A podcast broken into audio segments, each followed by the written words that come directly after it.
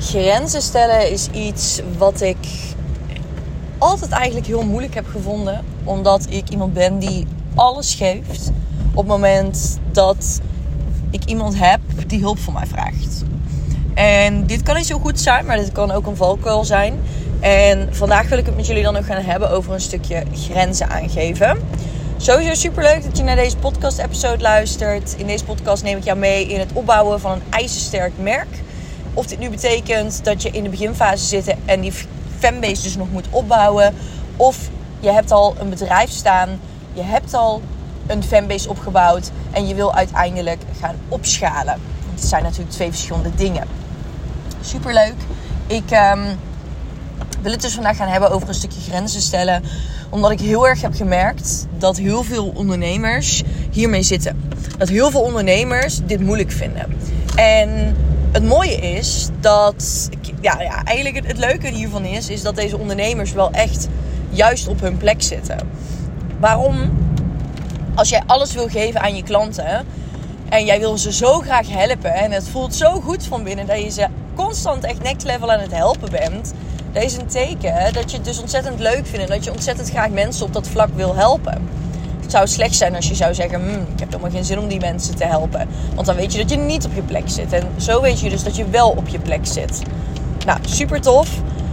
tegenovergestelde daarvan is dat het ook weer heel dicht in de buurt komt van een stukje people pleasen. En van een stukje dat jij eigenlijk zelf helemaal niet voelt dat jij het waard bent om bepaalde grenzen te stellen in je bedrijf. En dat jij het waard bent om ook eens bijvoorbeeld te rusten.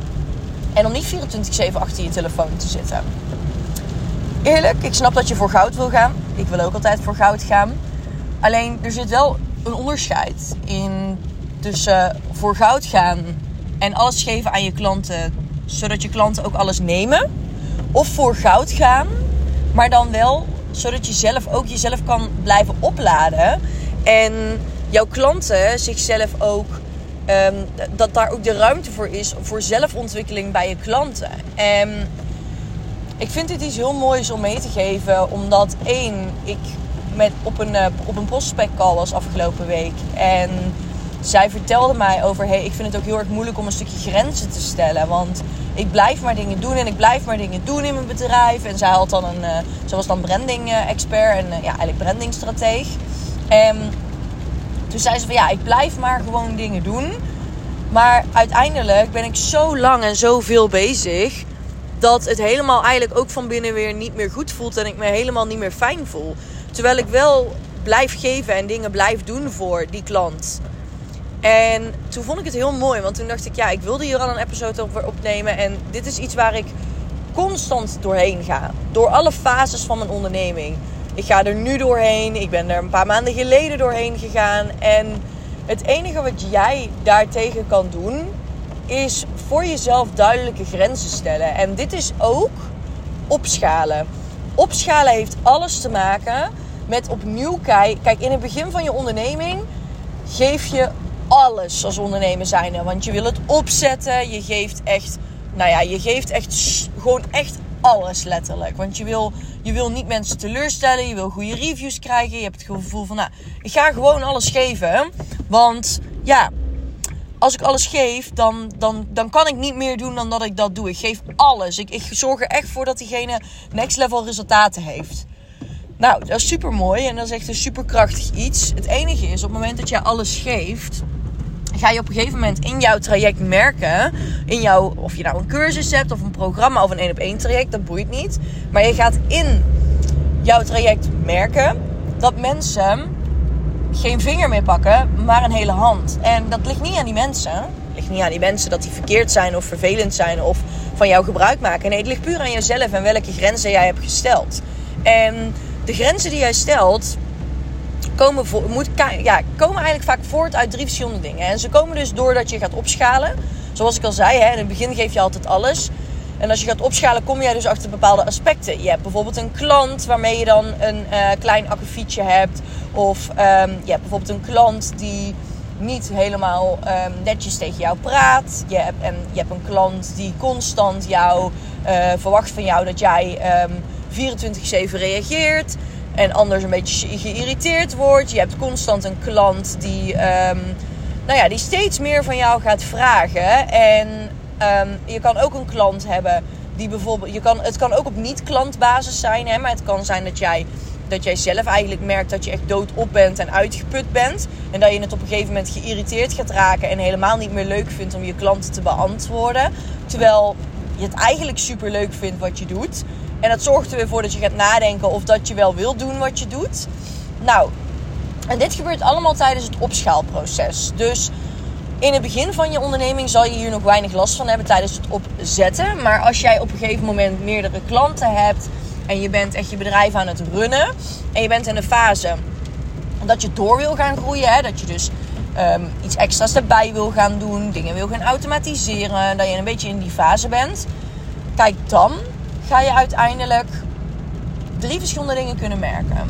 En ik zeg altijd van hè, een, stukje, een stukje nou ja, een stukje frustratie daarin komt uit drie verschillende dingen voort. En dat is nummer één. Je raakt te emotioneel betrokken bij jouw klanten en wat zij voelen. Ik ben iemand die heel hoog sensitief is. Dus op het moment dat een klant helemaal gefrustreerd is omdat um, zij haar business nou ja, helemaal heeft opgezet eigenlijk in de afgelopen weken, maar nog steeds niet de eerste klant heeft. En dat kan aan verschillende factoren liggen. Ik bedoel, daar gaan we nu even verder niet op in. Maar op het moment dat zij bijvoorbeeld hè, twee maanden kaart ergens na aan het werken is. En dan denkt ze, ja, verdomme, ik heb het gevoel dat ik niet vooruit kom en ik heb helemaal geen klanten. Um, Oké, dat kan daaraan liggen dat je dan te veel emotioneel betrokken gaat raken. Dus dat je helemaal voelt van, oh, wat verschrikkelijk dat zij zichzelf zo voelt. En ik moet haar gaan helpen, want het is, ja, ik, ik moet haar gewoon gaan helpen. En ik voel gewoon heel erg dat zij, um, ja, ik voel gewoon heel erg dat zij dat ik haar wil helpen. En ik vind het ook heel rot. En dat je helemaal in dat gevoel meegaat. Wat het gevaar daarvan is, is één, je laat het beïnvloeden voor het runnen van je eigen business. Tuurlijk, je klanten zijn jouw business ook, hè? Want je doet het voor je klanten. Maar uiteindelijk run jij ook nog een business naast dat je die ene klant helpt. Het is niet dat die ene klant jouw business is. Het is niet dat wat die ene klant doet, dat dat jouw geld is wat op je plankje komt. Tuurlijk wil je diegene helpen en diegene betaalt voor jouw expertise en kunde. Maar als jij te veel emotioneel betrokken raakt bij jouw klanten. En eh, op het moment dat zij bijvoorbeeld zichzelf niet goed voelen of zeggen dat ze helemaal in een dipje zitten. En het je helemaal persoonlijk op gaat vatten. Dan ja, ga je uiteindelijk geen fijne business runnen. Want dan ben je constant bezig met andermans gevoelens voorop stellen voor je eigen gevoelens. Jouw eigen gevoelens maken dan helemaal niks meer uit. Want hoe jouw klant zichzelf voelt, zo voel jij jezelf. En dat is een lijn die je voor jezelf moet gaan trekken. Je moet energetisch voor jezelf bepalen hoe die klant momenteel is en reageert, is niet hoe ik mezelf momenteel voel. Tuurlijk mag je het rot voelen voor een klant. Ik vind het ook rot als een klant van mij zegt van... oh, en ik heb het gevoel dat ik niet vooruit kom. En ik denk van, oh, maar vrouw toch, je bent echt gewoon zo hard aan het werken... en je komt zoveel stappen maken. Maar ja, je ziet ze nog niet op je bankrekening misschien. Maar goed, wat verwacht je in anderhalf, twee maanden? Of wat verwacht je in drie maanden van het opzetten van je bedrijf? Dus ja, weet je, dan raak ik natuurlijk wel. Ik, kijk, ik heb heel erg snel de neiging dat ik te emotioneel betrokken daarin raak. En dat ik dan naar de volgende stap die ik daar ga benoemen, dat ik dat ook doe. Um, waardoor ik helemaal een slechte moed heb voor mezelf. Hè? Maar uiteindelijk is hun gevoel hun gevoel. En jouw gevoel is jouw gevoel. En die staat afhankelijk, onafhankelijk, niet afhankelijk, onafhankelijk van hoe zij zich op dat moment voelen. Nou, dan heb je het tweede gedeelte. Nou, wat kun je daar tegen doen? Laten we daar eerst even op ingaan. Je kunt ervoor zorgen dat je heel erg duidelijk bent in, tegen jezelf. Hè, door te zeggen van oké, ik heb momenteel een klant die zichzelf rot voelt. Wat kan ik dan doen om die klant. Wat kan ik dan nu zeggen tegen die klant? Even, even relativeren. De situatie erbij pakken en relativeren. Waarom voelt die klant zich momenteel zo? Nou, je stelt de vraag aan je klant, je gaat in gesprek met je klant. Waarom voel je dat je niet vooruit komt? Hoezo voel je dat? Ja, omdat ik andere mensen misschien vooruit zie komen, omdat ik had verwacht dat ik nou wel geld had gemaakt. Oké, maar heb je dan wel de juiste verwachtingen voor jezelf gesteld? Want we hebben gezegd, we gaan dingen oppakken. We kunnen iets heel moois opbouwen, maar ja, daar zitten deze en deze en deze factoren hangen daaraan. En er zijn nou eenmaal wat dingetjes veranderd in jouw leven. Dus ben je dan wel realistisch voor jezelf en zul je niet je doelen moeten bijschaven. Dan ga je in plaats van het heel persoonlijk opvatten, ga je gewoon relativeren met die klant. En ga je gewoon echt achterhalen van waar komt het nou door en hoe kunnen we ervoor zorgen dat de moed weer verbetert.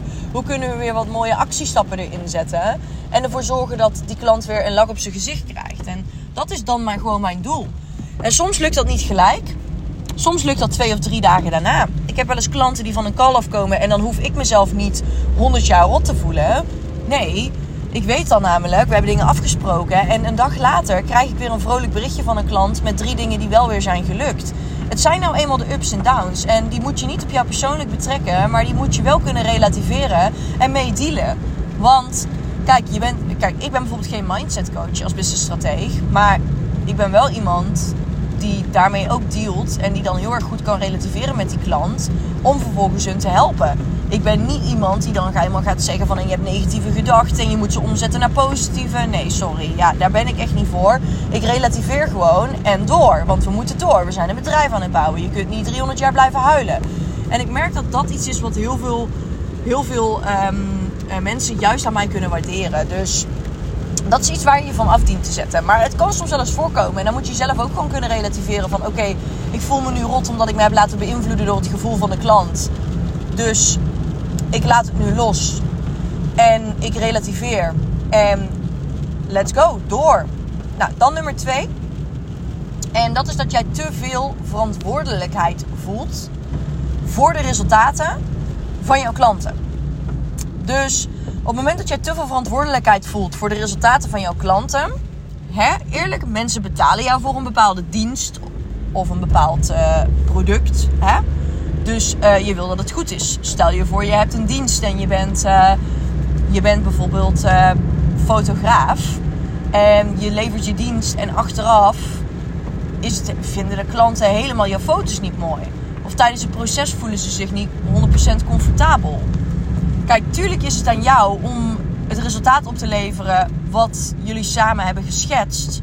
Alleen dan ga je achteraf gewoon moeten kijken.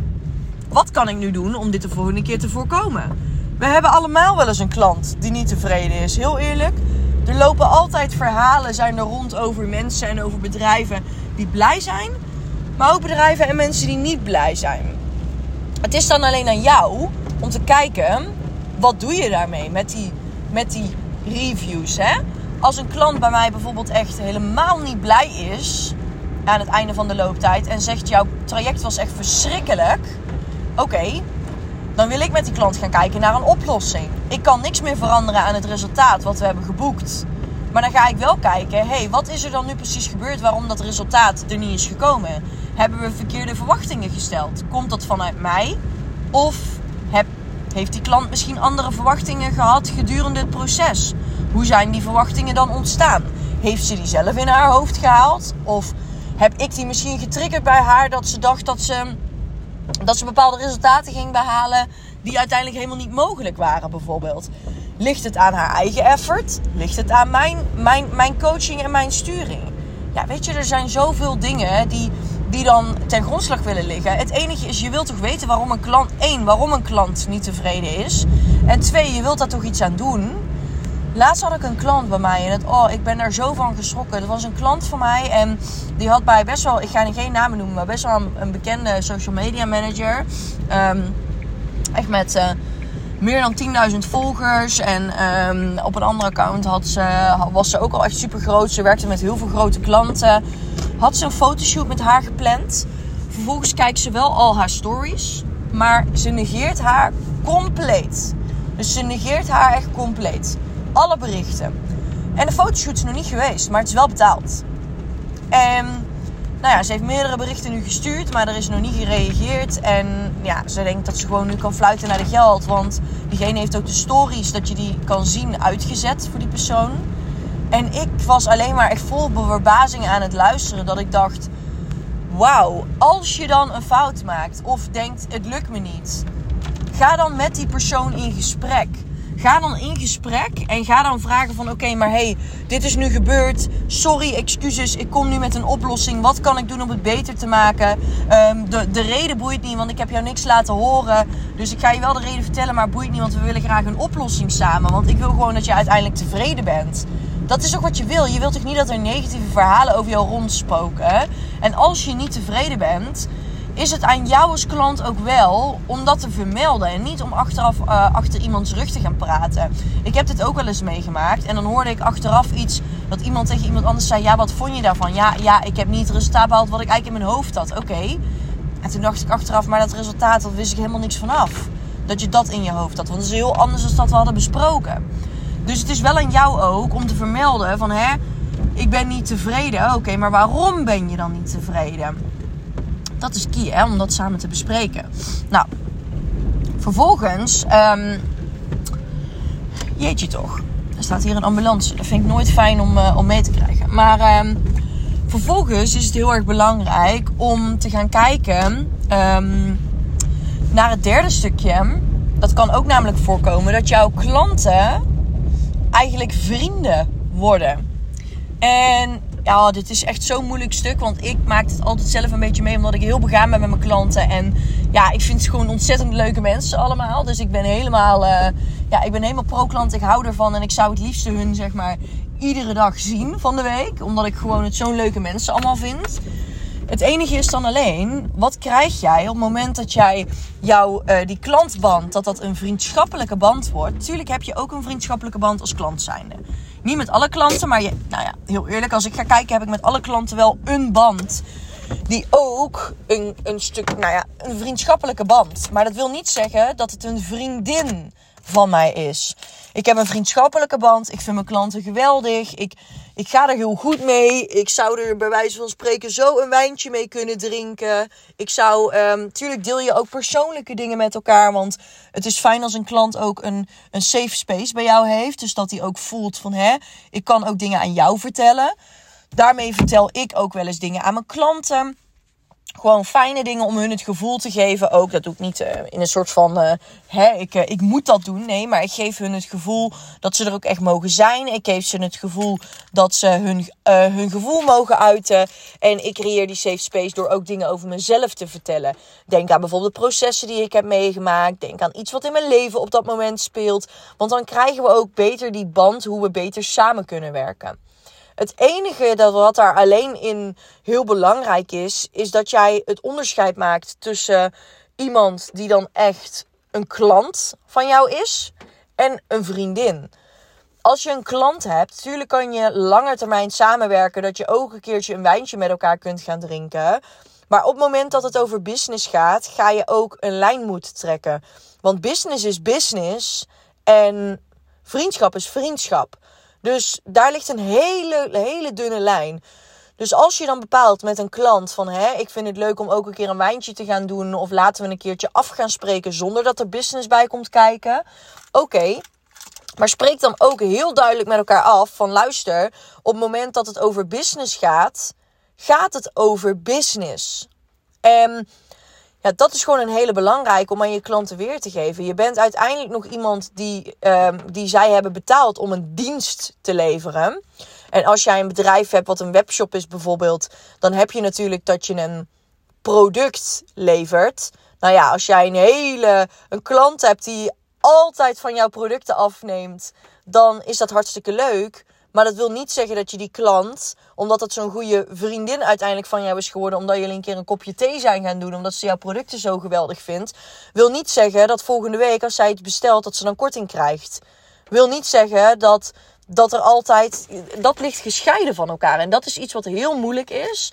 En wat extreem. Ja, weet je wat extreem lastig is als jij ook iemand bent die heel erg voor de mensen wil zijn. En die mensen heel leuk vindt. En die graag die safe space creëert. Dat zijn de beste. Maar dat, die hebben het zelf altijd het meest moeilijk met het creëren van een, een business, een business vriendschaprelatie. En dat heb ik ook hoor. En dat is puur omdat ik en hooggevoelig ben. Dus ook ben ik hoog betrokken. Eh, echt super erg betrokken bij mijn mensen. trek alles me veel sneller aan. Ik voel me veel verantwoordelijker voor de resultaten. Het is bijna dat ik me zo verantwoordelijk voel dat ik alles wil controleren. Op het geval dat ze live gaan en ze maken dan uh, hun eerste klant niet. Dat ik gewoon ook helemaal in de put zit met die klant. Maar goed, aan de ene kant iets goeds, maar aan de andere kant, zoals ik net zei, hè, je moet daar je scheidingslijn in maken. Jij biedt een bepaalde service. En hierom is het ook belangrijk om altijd um, verwachtingen goed uit te spreken. Uh, ik heb zo ooit eens een, uh, ook een uh, call met een klant gehad die iets aangaf bij mij, omdat er andere klanten ook in een bepaalde niche opereerden. En toen zei ik van, ik, ik snap jou, ik snap dat dat moeilijk is, maar ik heb geen, ik ben, wij doen business, hè.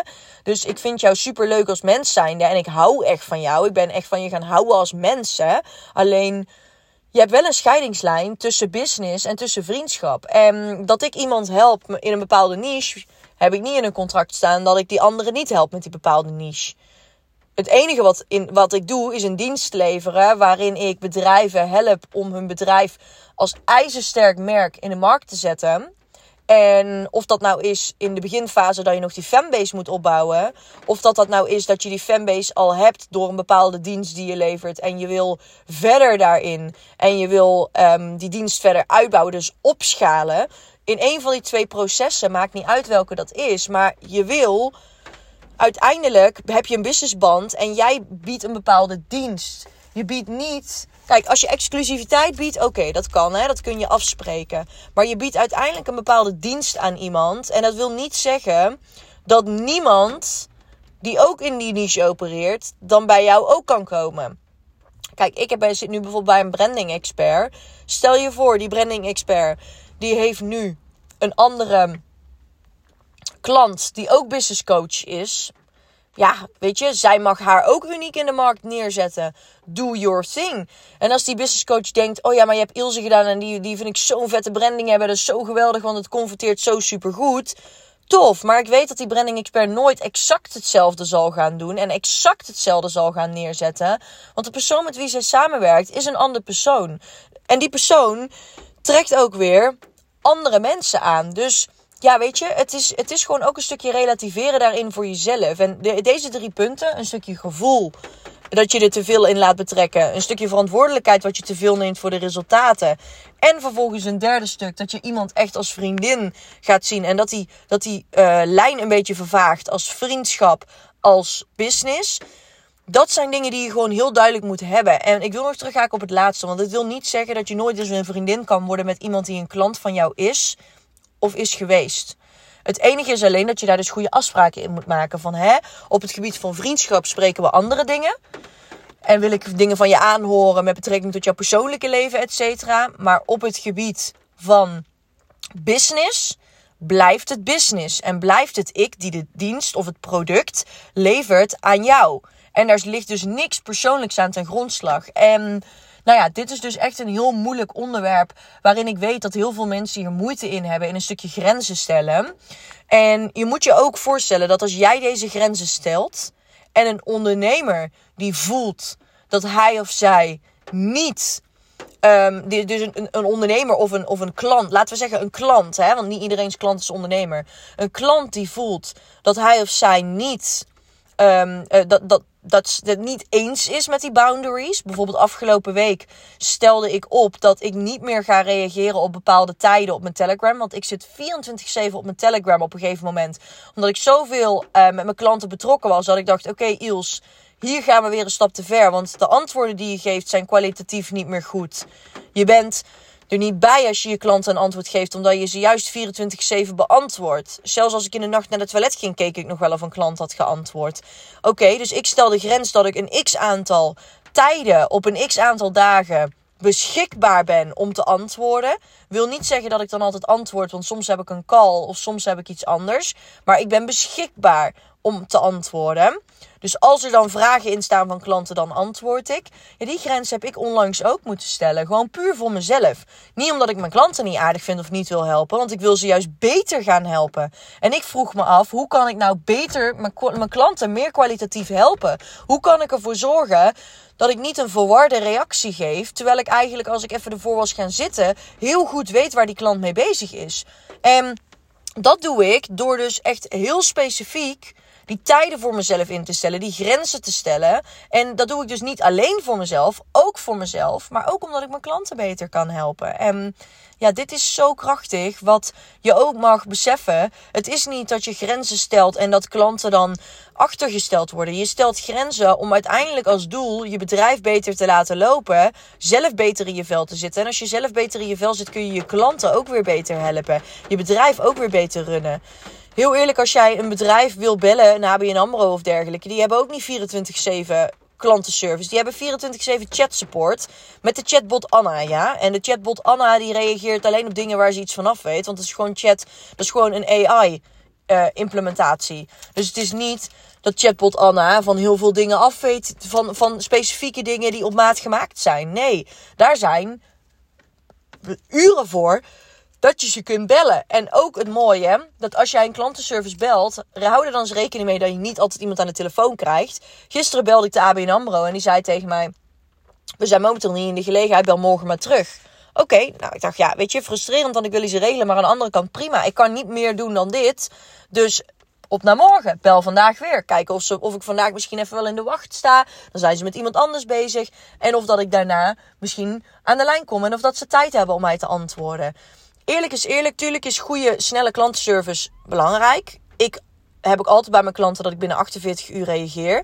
Maar grenzen stellen is gruwelijk belangrijk. En dit is dus iets wat ik bijvoorbeeld recent heb gedaan. Maar waarvan ik weet dat ook heel veel ondernemers hiermee struggelen. De meid die ik afgelopen week aan de telefoon had, die zei ook tegen mij, die prospect zei, ja Ils, ik kan gewoon moeilijk grenzen tellen. Ik, ik had een klant en ik zag dat berichtje en dan ga ik om half elf in de avond weer allerlei dingen regelen en weer berichten.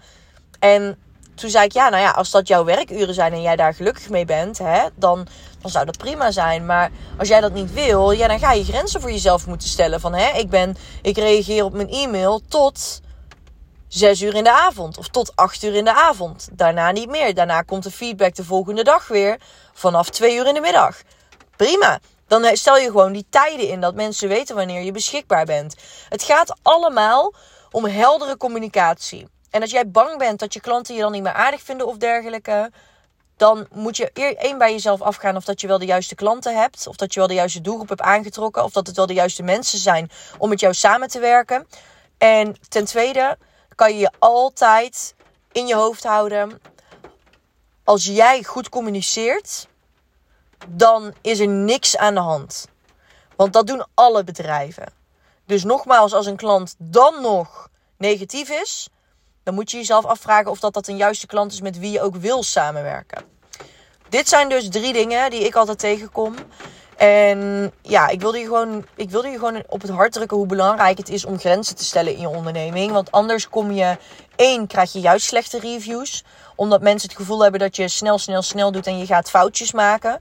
Of hele grote fouten dat is wat ik merkte bij mezelf. Dat ik gewoon af en toe een foutje maakte. En dat ik dacht, hoezo ben ik niet op de hoogte? Ik verstuurde bijvoorbeeld geen mailtjes naar iemand die ik al twee dagen had beloofd om een mailtje te sturen. Dan dacht ik, ja Ils, weet je, je weet gewoon dat je die mailtjes, wil, dat je die mailtjes kan versturen. Want je hebt tijd daarvoor. Maar je, antwoordt dat bericht, je opent en je antwoordt dat berichtje op een tijd dat je er geen tijd voor hebt. Dus dan vergeet, kan je het ook niet opschrijven. Want je zit net in de auto bijvoorbeeld of zo. Of je bent druk bezig met iets anders. En dan vergeet je het. En door die beginnersfout, door die beginnersfoutjes of kleine foutjes of grote fouten, gaan jouw klanten ook uiteindelijk weer ontevreden zijn. En als er ontevreden heerst bij jouw klanten, of irritatie heerst bij jouw klanten, heb je een negatieve review. En achteraf, achteraf iets rechtstellen is veel moeilijker dan dat je vooraf gewoon goed communiceert. En grenzen stellen is daarom cruciaal om een business te runnen met blije klanten. Niet alleen om een business te runnen waar jij jezelf fijn bij voelt. Want dat denken mensen vaak, hè, dat je grenzen stelt alleen maar voor jezelf. Je, je stelt ze ook voor jezelf, maar zodat jij een fijnere en betere business kan runnen. Met ease, flow en fun. Want dat is de bedoeling uiteindelijk. En niet dat je dadelijk in een burn-out zit. Dus ik hoop dat jullie hier iets aan hebben gehad. En dat jullie ook voor jezelf grenzen gaan stellen nu. In welke fase van de onderneming je bent, verschilt dat dus. In de opstartfase zijn grenzen stellen nog niet zo belangrijk omdat je al ingaat en je bent iets aan het opzetten. Maar op het moment dat je het hebt opgezet en je bent op het punt dat je kan gaan opschalen. Dus je bent echt op het punt dat je ook uh, dingen kan gaan automatiseren. Je kan er een extra je service bijpakken, noem maar op, ga je dus wel grenzen moeten stellen. Dus dit is echt voor de mensen bedoeld die dus in die opschaalfase zitten momenteel om die grenzen voor zichzelf te stellen. En in de opstartfase zeg ik altijd: you can go all in. Nou, nogmaals, ik hoop dat jullie hiermee hebben kunnen helpen. Ehm, heel veel uh, succes deze komende week weer. En mochten jullie zo lief zijn, zou je deze episode dan op jouw profiel willen delen. Dus een screenshot van willen maken, willen delen. Zodat het ook gedeeld kan worden met andere mensen. Want ik denk dat deze kennis zo waardevol is voor niet alleen jou, maar ook voor anderen. En vanuit daar wil ik ook meegeven dat ik het heel belangrijk vind als je mij eens een berichtje stuurt en zegt: Ils, deze podcast-episode heeft dit bijvoorbeeld aan mij opgeleverd. Of Ils, ik zou, uh, ja, ik, ik ben heel blij met je hulp. Um, dat zou ik super fijn vinden, want daar heb ik heel veel aan. Um, nogmaals, ik spreek jullie uh, weer bij een volgende episode. Komt volgende week weer online. En ik ben benieuwd wat jullie ervan vonden. Groetjes!